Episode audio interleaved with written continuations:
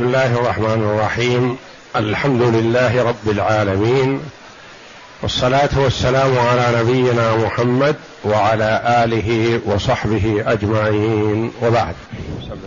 أعوذ بالله من الشيطان الرجيم. بسم الله الرحمن الرحيم. ويسألونك عن المحيض قل هو أذى فاعتزلوا النساء في المحيض ولا تقربوهن حتى يطهرن فإذا تطهرن فأتوهن من حيث أمركم الله إن الله يحب التوابين ويحب المتطهرين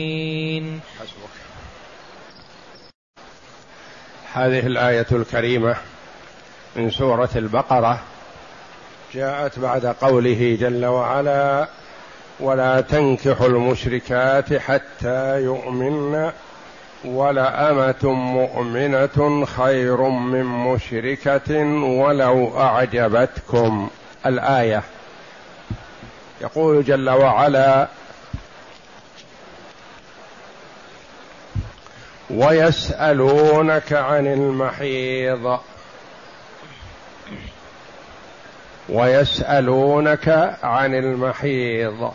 السائلون هم الصحابة رضي الله عنهم. وذلك أن اليهود كانت المرأة إذا حاضت لا يجامعونها في البيت ولا تمس لهم طعاما ولا شرابا ولا بدنا ويعتقدون نجاستها ولا تنام معهم في بيت واحد. يخرجونها من البيت. والنصارى كانوا لا يبالون. حائض أو طاهر سيان عندهم. فسأل الصحابة رضي الله عنهم النبي صلى الله عليه وسلم ما الذي يحل لهم من الحائض؟ اليهود يقولون كذا والنصارى كذا فأنزل الله جل وعلا ويسألونك عن المحيض قل هو أذى. أذى. الأذى ما كان كريه مؤذي برائحته أو بقوله لن يضروكم إلا أذى. يعني كلام فقط. فالأذى ما يؤذي برائحته أو بكلامه.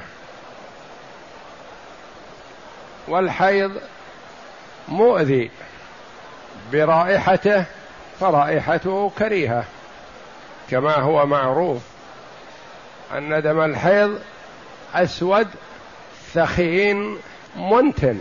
هذه صفة دم الحيض عن دم الاستحاضة. قل هو أذى. يعني له رائحة كريهة ومؤذي ويجتنب. فاعتزلوا النساء في المحيض. اعتزلوها. لا تمسوها بجماع. فهم بعض الناس من قوله تعالى فاعتزلوا النساء في المحيض أنها تعتزل كما يفعل اليهود.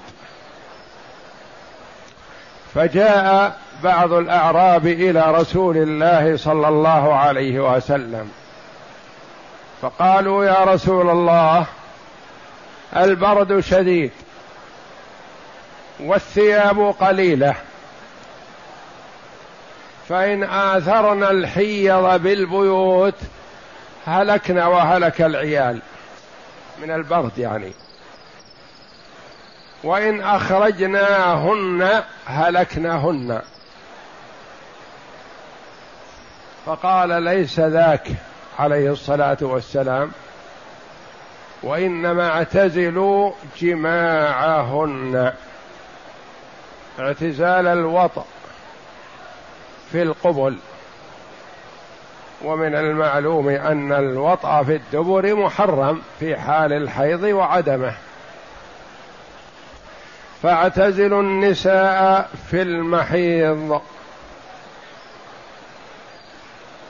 جاء بعض الصحابة إلى النبي صلى الله عليه وسلم فقالوا يا رسول الله إن اليهود لا يساكنون الحائض ولا تمس لهم طعاما ولا شرابا أفلا نجامعهن؟ فتأثر رسول الله صلى الله عليه وسلم وظهر هذا في وجهه وسكت عليه الصلاة والسلام. فخرج من عند رسول الله صلى الله عليه وسلم يقول أنس رضي الله عنه فأهدي إلى النبي صلى الله عليه وسلم لبن. ولما خرج خرج يظنان أن الرسول صلى الله عليه وسلم غضب عليهما. أهدي إلى النبي صلى الله عليه وسلم فأرسل في أثرهما ليرجعا ليشربا من اللبن. فسر بذلك رضي الله عنهما حيث كان هذا علامة على أن النبي صلى الله عليه وسلم لم يغضب عليهما. وقال عليه الصلاة والسلام في أحاديث متكررة اصنعوا كل شيء إلا النكاح واعتزلوا الفرج اعتزلوا القبل وما عدا ذلك فهو حلال للرجل. والخلاف بين العلماء رحمهم الله في الاستمتاع فيما بين السرة والركبة. منهم من أجاز الاستمتاع من الحائض بدون الفرج فقط. ومنهم من استثنى ما بين السرة إلى الركبة لأنه جاء عن أمهات المؤمنين أن النبي صلى الله عليه وسلم إذا أراد أن يباشر امرأته وهي حائض أمرها أن تتزر. أو أن تضع على ما بين السرة والركبة إزار. فقالوا ما بين السرة والركبة لا لا يقرب. آخرون قالوا لا يمتنع إلا عن الفرج لأنه عليه الصلاة والسلام كان يأمر بعض نسائه إذا حاضت أن تضع على الفرج خرقة ويباشرها عليه الصلاة والسلام. يعني تضع حائل حاجز على القبل ويباشرها صلى الله عليه وسلم. والاستمتاع مطلقا جائز من الحائض إلا ما بين السرة والركبة أو في الفرج فقط في القبل فقط قولان للعلماء. قل هو أذى فاعتزلوا النساء في المحيض ولا تقربوهن حتى يطهرن. ولا تقربوهن يعني لا تجامعوهن حتى يطهرن يعني ينقطع الحيض عنهن. فإذا تطهرن يعني اغتسلن بالماء فإن تعذر استعمال الماء لسبب من الأسباب فالتيمم يقوم مقامه. فاعتزلوهن حتى يطهرن. فاعتزلوهن في المحيض ولا تقربوهن حتى يطهرن. فإذا تطهرن فأتوهن فأتوهن من حيث أمركم الله. فإذا تطهرن يعني اغتسلن فأتوهن من حيث أمركم الله. يعني في القبل دون الدبر. أخذ من هذا بعض العلماء من الآية وإلا فالأحاديث كثيرة في تحريم إتيان الرجل زوجته في دبرها. فقد قال صلى الله عليه وسلم إن الله لا يستحي من الحق لا تأتوا النساء في أدبارهن. والمراد الإيلاج. يحرم الإيلاج في الدبر والاستمتاع بما دون ذلك جائز. فأتوهن من حيث أمركم الله قالوا يؤخذ من هذا تحريم إتيان النساء في الدبر لأن الله جل وعلا أمر بالإتيان من القبل. فمعنى هذا أن من أتى من غيره فقد تجاوز الحد. فأتوهن من حيث أمركم الله إن الله يحب التوابين. كثير التوبة. الذي إذا أذنب وقع في الخطيئة استغفر وتاب إلى الله يعني رجع إلى الله وندم على ما فرط منه. ويحب المتطهرين الذين يتطهرون عن الأقدار والنجاسات ويبتعدون عن الحيض في قبلهن وقت المحيض. هذا تطهر. لأن المحيض كما هو مع الأذى فالابتعاد عن الأذى تطهر. إن الله يحب التوابين وفيه إثبات صفة المحبة لله جل وعلا فالله يحب أولياءه ويبغض أعداءه والمحبة صفة لله ولا تشبه بصفات المخلوقين كما يقول بعضهم والناس في باب الصفات طرفان ووسط. أناس أثبتوا وشبهوا وآخرون يزعمون أنهم نزهوا فعطلوا. وأهل السنة والجماعة وسط بين الطائفتين. الأولون شبهوا قالوا يحب كما يحب المخلوق المخلوق. تعالى الله. فشبهوا صفة الخالق جل وعلا بصفات عباده والمخلوق يحب ويبغض والمحبة عنده رقة في القلب وطمأنينة إلى الشخص المحبوب ونحو ذلك مما يعتري المخلوق. والله جل وعلا منزه عن صفات المخلوقين. الآخرون قالوا لو أثبتنا المحبة لشبهنا لكنهم يقولون ننزه فننفي الصفة. فالمعطلة ما عطلوا إلا بعدما شبهوا وقعوا في التشبيه ففروا منه إلى التعطيل. وأهل السنة والجماعة أثبتوا إثباتا بلا تشبيه. ونزهوا تنزيها بلا تعطيل. اثبتوا الصفة على ما يليق بجلال الله وعظمته. والطائفتان ضالتان. أولئك شبهوا فوقعوا في خلاف ما قال الله جل وعلا ليس كمثله شيء. الله جل وعلا يقول ليس كمثله شيء وهو يقول يحبك محبتي ويسمع كسمعي ويبصر كبصري. تعالى الله. والآخرون عطلوا ففروا من التشبيه ووقعوا في التعطيل فوقعوا في مخالفة قوله جل وعلا وهو السميع البصير. ففي قوله تبارك وتعالى ليس كمثله شيء وهو السميع البصير. فيها إثبات مذهب أهل السنة والجماعة ويستدل على مذهبهم بهذه الآية الكريمة وصدرها رد على المشبهة وآخرها رد على المعطلة فهي جمعت المذاهب الثلاثة ردا وإثباتا ردا للمشبهة وردا للمعطلة وإثباتا لمذهب أهل السنة والجماعة.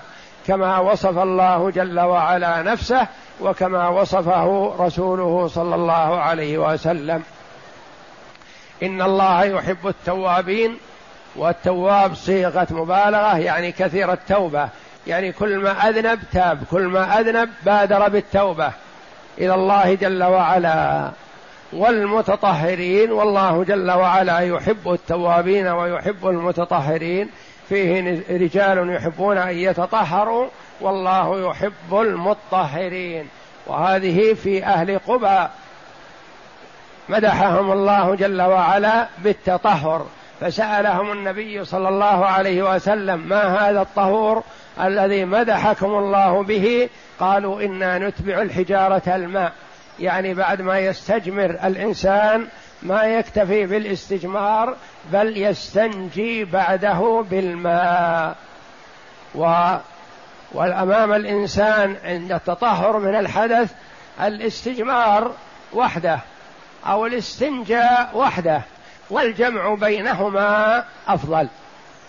إن الله يحب التوابين ويحب المتطهرين حث للمسلم بالابتعاد عن القاذورات والنجاسات خلافا لما عليه النصارى.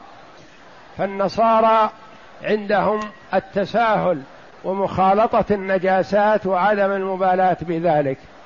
واليهود عندهم التشدد والتعنت واذا أصاب الثوب نجاسة ما يطهرها عندهم الماء وإنما يقرضونها بالمقراض تزال بالمقراض. وهذه الشريعة المحمدية فيها السهولة واليسر والسماحة والبعد عن القاذورات والنجاسات.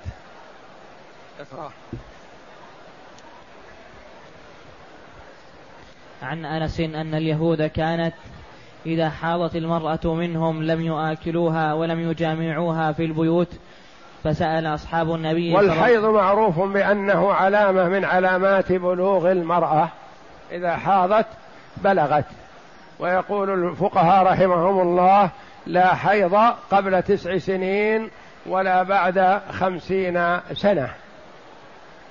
فأقل سن تحيض فيها المرأة تسع سنين وأكبر سن خمسين سنة وقد يستمر معها الحيض بعد الخمسين. فقال بعض الفقهاء يرجع إلى النساء الحاذقات. إذا قررنا أن ذلك حيض فإنه قد يصل الحيض إلى الستين. فهو علامة من علامات البلوغ وعلامة من العلامات الذي يكون عند المرأة استعداد للحمل. فقد تحمل المرأة بنت تسع أو عشر. وكما قال الإمام الشافعي رحمه الله رأيت جدة لها إحدى وعشرون سنة. وذلك أنها تزوجت وهي بنت تسع وولدت وهي بنت عشر فشبت ابنتها فلما بلغت تسع تزوجت ولما بلغت العشر وإحدى عشر ولدت فرأى الشافعي رحمه الله بقوله جدة عمرها إحدى وعشرون سنة. نعم. فسأل أصحاب النبي صلى الله عليه وسلم فأنزل الله عز وجل قوله تعالى ويسألونك عن المحيض قل هو أذى فاعتزلوا النساء في المحيض ولا تقربوهن حتى يطهرن حتى فرغ من الآية فقال رسول الله صلى الله عليه وسلم اصنعوا كل شيء إلا النكاح اصنعوا كل كل شيء إلا النكاح الذي هو الجماع يعني للرجل أن يستمتع من زوجته بما شاء دون الجماع حال حيضها. نعم. فبلغ ذلك اليهود فقالوا ما يريد هذا الرجل أن يدع من أمرنا شيئا إلا خالفنا فيه. فجاء أسيد بن حضير وعباد وعباد بن بشر. أسيد بن حضير وعباد بن بشر رضي الله عنهما من الأنصار من الصحابة رضي الله عنهم هم الذين قال للنبي صلى الله عليه وسلم ألا نجامعهن؟ نعم. فقال يا رسول الله إن اليهود قالت كذا وكذا أفلا نجامعهن؟ يعني نخالف اليهود لأن اليهود لما علموا عن قول النبي صلى الله عليه وسلم يصنع كل شيء إلا النكاح قالوا لن يترك هذا الرجل شيئا من أمرنا إلا خالفه. فهو عليه الصلاة والسلام حريص على مخالفة اليهود لأن شريعة محمد صلى الله عليه وسلم شريعة اليسر والسهولة وشريعة اليهود فيها الشدة والتعنت. ولهذا في القتل ما عندهم إلا القصاص والنصارى ما عندهم إلا العفو.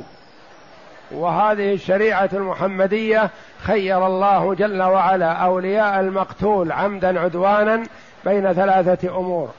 إن شاءوا اقتصوا وقتلوا وإن شاءوا أخذوا الدية وإن شاءوا عفوا مجانا بلا شيء. نعم.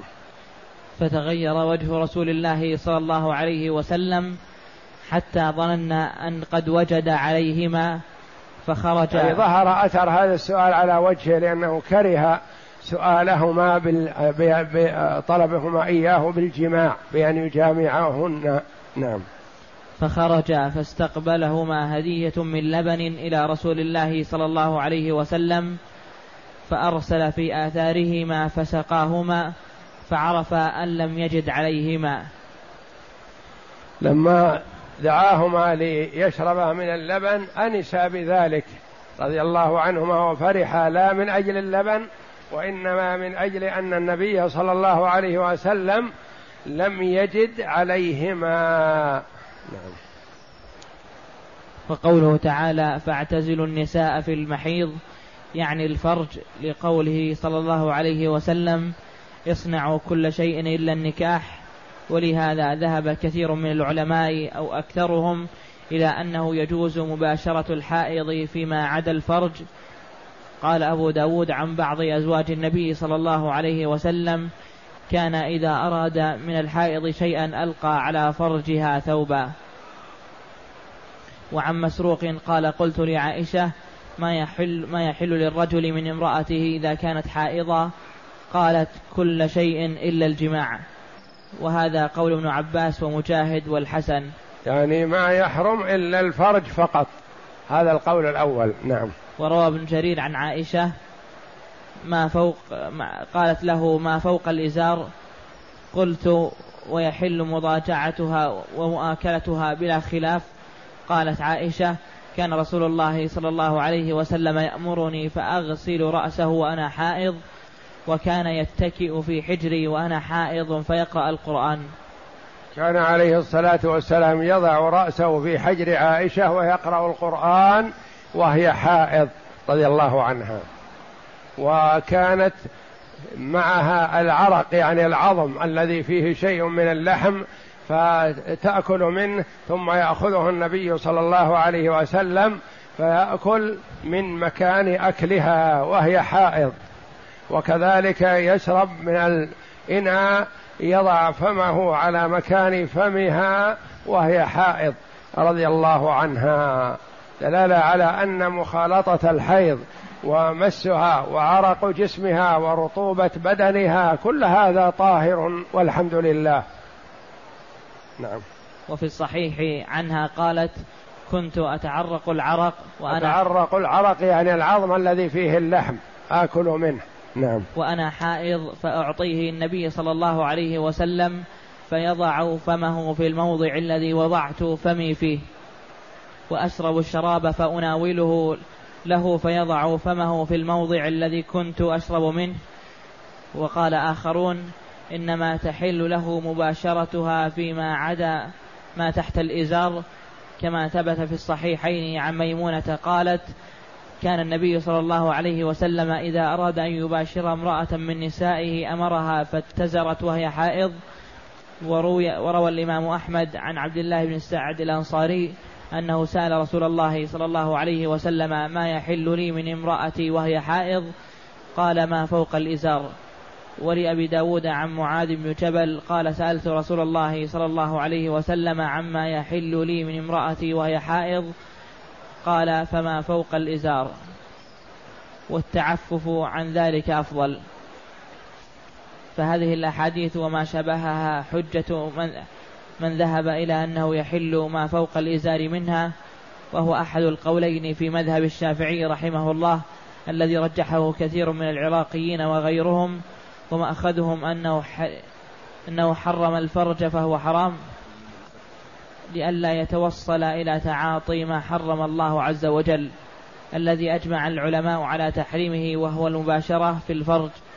ثم من فعل ذلك فقد أثم فيستغفر الله ويتوب إليه. وهل يلزمه مع ذلك كفارة أم لا؟ فيه قولان. أحدهما نعم لما رواه الإمام أحمد وأهل السنن عن ابن عباس عن النبي صلى الله عليه وسلم في الذي يأتي امرأته وهي حائض يتصدق بدينار أو نصف دينار. وللإمام أحمد أيضا عنه أن رسول الله صلى الله عليه وسلم جعل في الحائض تصاب دينارا فإن أصابها وقد أدبر الدم عنها ولم تغتسل فنصف دينار.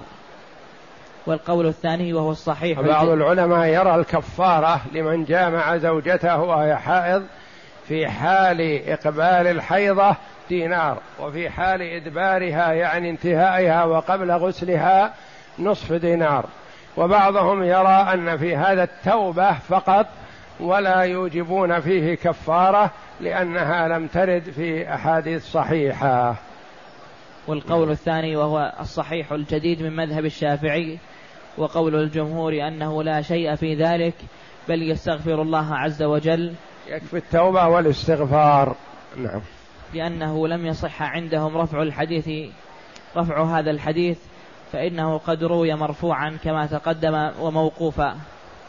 وهو الصحيح عند كثير من أئمة الحديث فقوله تعالى ولا تقربوهن حتى يطهر تفسير لقوله تعالى فاعتزلوا النساء في المحيض ونهى عن قربانهن بالجماع ما دام الحيض موجودا. الله جل وعلا حي كريم يكني. فنهى عن القربان والمراد الجماع وأمر بالإتيان فأتوهن من حيث أمركم الله والمراد بالإتيان الجماع فهو يكني عن الجماع بغيره جل وعلا. نعم. ونهى عن قربانهن بالجماع ما دام الحيض موجودا ومفهومه حله إذا انقطع. وقول الله تعالى فإذا تطهرن فأتوهن من حيث أمركم الله فيه ندب وإرشاد إلى غشيانهن بعد الاغتسال وذهب ابن حزم إلى وجوب الجماع بعد كل حيضة لقوله تعالى فإذا تطهرن فأتوهن من حيث أمركم الله. أخذ بهذا بعض الظاهرية قالوا يجب على الزوج أن يجامع زوجته بعد الحيضة لأن الله أمره بذلك بقوله فأتوهن من حيث أمركم الله. وهذا الأمر لا يقتضي الوجوب لأن هذا الأمر بعد النهي يقتضي الإباحة أو الاستحباب. يا أيها الذين إذا نودي للصلاة من يوم الجمعة فاسعوا إلى ذكر الله وذروا البيع ذلكم خير لكم إن كنتم تعلمون. فإذا قضيت الصلاة فانتشروا في الأرض وابتغوا من فضل الله. بعضهم يقول يجب على الإنسان أن يشتري شيء أو يبيع مع أنه غير واجب لأنه أمر بعد النهي فيقتضي الإباحة أو الاستحباب. نعم. وليس له في ذلك مستند لأن هذا أمر بعد الحظر وقد اتفق العلماء. الحظر الذي هو النهي. وقد اتفق العلماء على أن المرأة إذا انقطع حيضها لا تحل حتى تغتسل بالماء أو تتيمم إن تعذر ذلك عليها بشرطه إلا أن أبا حنيفة رحمه الله يقول إذا انقطع دمها لأكثر الحيض وهو عشرة أيام عنده أنها تحل بمجرد الانقطاع ولا تفتقر إلى غسل والله أعلم. وقال وقال ابن عباس حتى يطهرن أي من الدم. فإذا تطهرن أي بالماء وكذا قال مجاهد وعكرمة. يطهرن انقطاع الحيض فإذا تطهرن اغتسلن تفسير ابن عباس رضي الله عنهما حبر هذه الأمة وترجمان القرآن والله أعلم وصلى الله وسلم وبارك على عبده ورسول نبينا محمد وعلى آله وصحبه أجمعين.